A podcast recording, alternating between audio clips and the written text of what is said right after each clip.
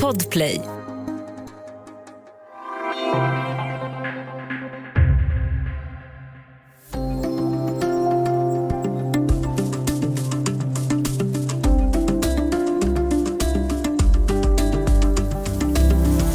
Att frysa ner sina ägg har blivit en allt vanligare lösning för kvinnor som vill skjuta upp sitt barnafödande. I både USA och Sverige kan företag ge anställda äggfrysning som en löneförmån. Men hur säkert är det här och vad är det som gör att äggfrysningen ökar? Välkommen till Studio DN med mig, Ylke Holago.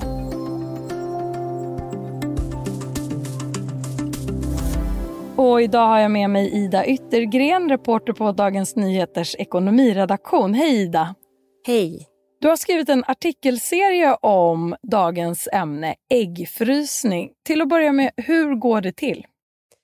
Uh, ja, man, om man säger den korta versionen är att man får hormonsprutor som man tar i eh, uh, 10 till 14 dagar ungefär och sen uh, då stimulerar man äggstockarna så att man får fler mogna ägg än vad man får på naturlig väg och sen så plockar man ut dem och fryser ner dem till 196 grader via en metod som kallas vitrifiering som är ganska, ganska så ny.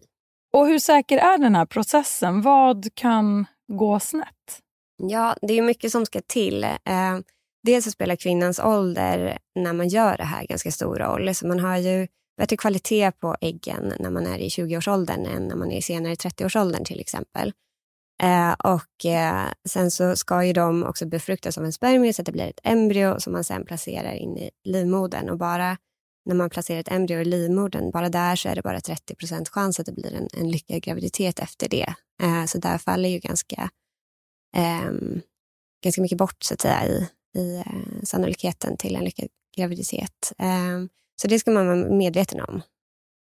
Och I Stockholm så är snittåldern för en förstföderska 31,9 år.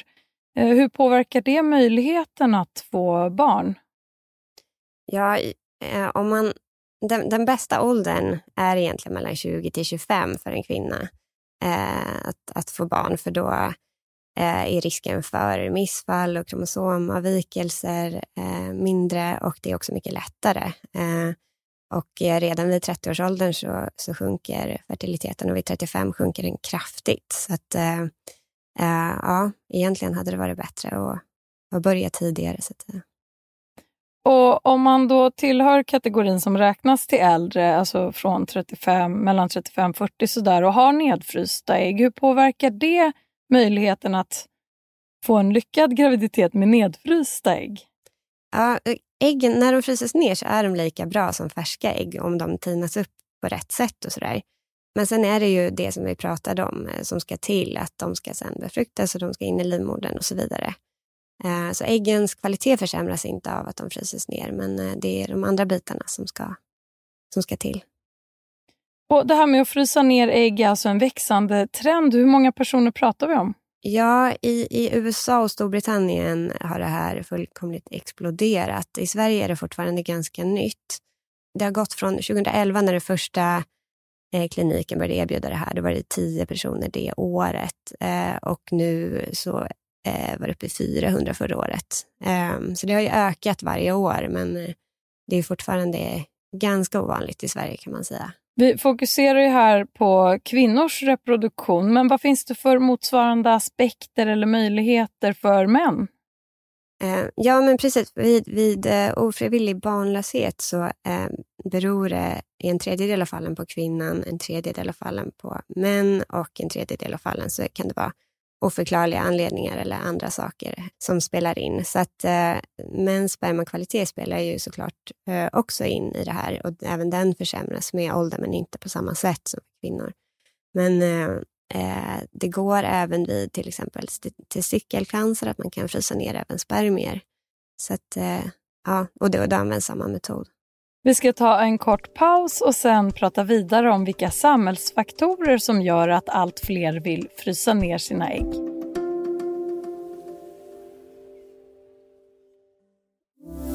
Jag har funderat ett tag på att frysa in mina ägg eh, sen jag separerade från min förra seriösa relation.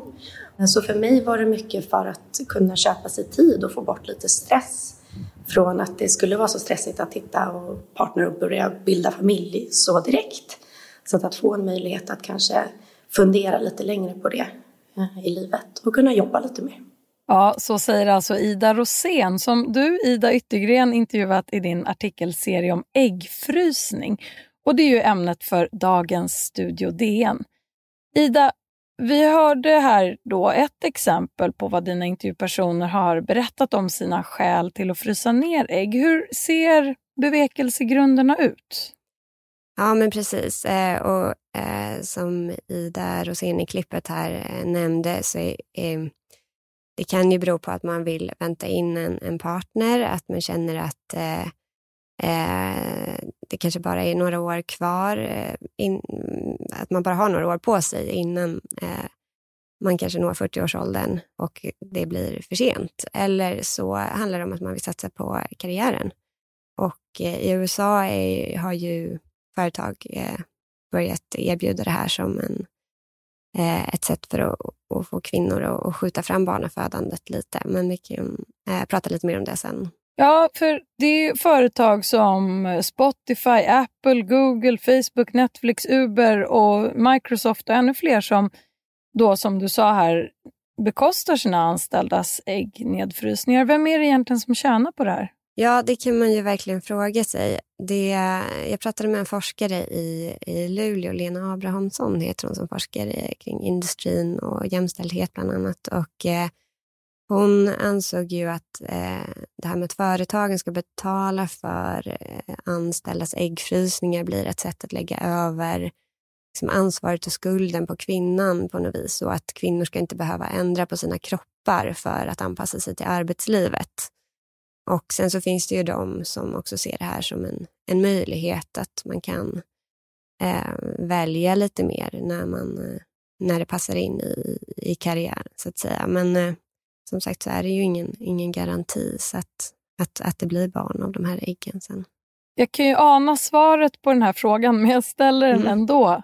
Vad eh, handlar det om för företagens del när de e-, gör, ger det här erbjudandet till sina anställda? Ja, det eh, känner jag kanske inte att jag ska svara på, men eh, de lägger fram det här som en, en möjlighet för kvinnor att, att satsa på karriären. Det var, finns faktiskt ett ganska roligt exempel från 2014. Eller roligt kanske man inte ska säga, ett bra exempel från 2014 där en, en kvinna blev eh, frontfigur för en kampanj som handlade om att frysa ner ägg i USA som var på, eh, på eh, omslaget av Bloomberg Magazine, en affärstidning, så stod det “Freeze your eggs, free your career”, alltså frys äggen och frigör karriären. Hon frös ner äggen när hon var 38, men sen så eh, funkade det inte för henne sen när hon väl skulle använda dem. Eh, så det var troligtvis för sent då. Men, eh, men det, ja, det är ett sånt exempel som, eh, som finns från USA. Då. Och sen 2014 så godkänner ju Skatteverket äggfrysning som en löneförmån också. Hur vanligt är det här i Sverige? Ja, det är inte så många som har utnyttjat det här. Eller, det är lite svårt att säga. Skatteverket har inte en, eh, för inte statistik över just det här. Eh, så jag har kikat på en förmånsportal som heter Benify som eh, väldigt många företag är anslutna till. Och där var det Eh, 200 000 anställda som omfattas av det här, alltså som kan utnyttja det som en löneförmån. Och då var det 40 personer som har gjort det då sedan 2019. Eh, sen så är det ju betydligt fler förmodligen utanför som inte omfattas av Benify just då. Eh, det är lite svårt att säga någon exakt siffra. Vår kollega Anna Bratt skrev i en av Dagens Nyheters texter om äggfrysning att citat, barnafödande är den enda vanan eller upplevelsen i konsumtionssamhället som många medvetet skjuter på tills det nästan är för sent. Slutcitat. Vilka faktorer är det som ligger bakom den här utvecklingen? Ja, det finns ju en rad faktorer som ligger bakom det här. Eh, ett sådant exempel är ju en, en ökande medelklass världen över eh, och eh, att fler skaffar sig en akademisk utbildning. Man kan ju se i exemplet med just äggfrysning eh, att eh, de flesta som väljer att göra det här, eh, i alla fall enligt en klinik som jag pratade med, är kvinnor med en akademisk utbildning. Och då kan man ju tänka sig att om man ska ja, ta studenten och sen vill jobba lite och ska ut och resa och eh, sen börja någon utbildning när man är kanske 22-23, då är man ju inte klar förrän man är i, i 30-årsåldern. Så det är ju en sån eh, faktor.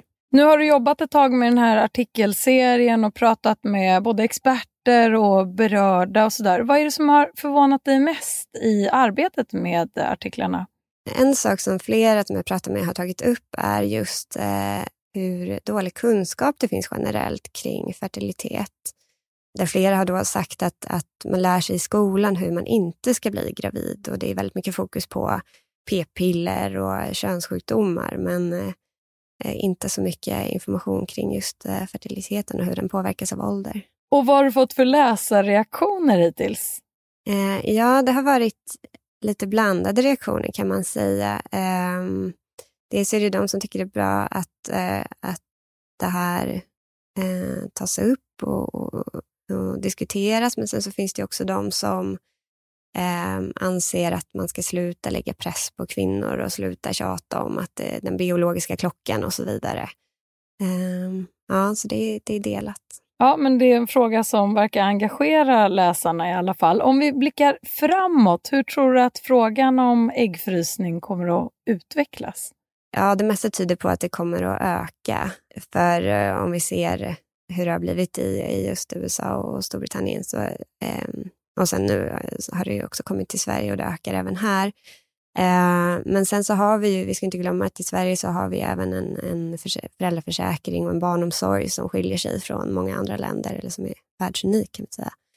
Eh, så det spelar ju såklart in. Och nu såg jag senast idag hade eh, det en, en artikel om eh, hur eh, eh, företagen i Silicon Valley börjar erbjuda eh, föräldraledighet på ett eh, annat sätt än vad de har gjort tidigare. Så att, eh, det, det, tror jag också kommer spela in för eh, hur äggfrysningstrenden fortsätter. Och idag då vi spelar in det här avsnittet, det är alltså tisdag. Tack så mycket Ida Yttergren, reporter på Dagens Nyheter. Tack själv. Om du vill kontakta oss så går det bra att mejla till studiodn dn.se. Studio DN görs för Podplay av producent Palmira Kokarimenga. Ljudtekniker Patrik Misenberger, teknik Oliver Bergman, Bauer Media och jag heter Ylke Holago.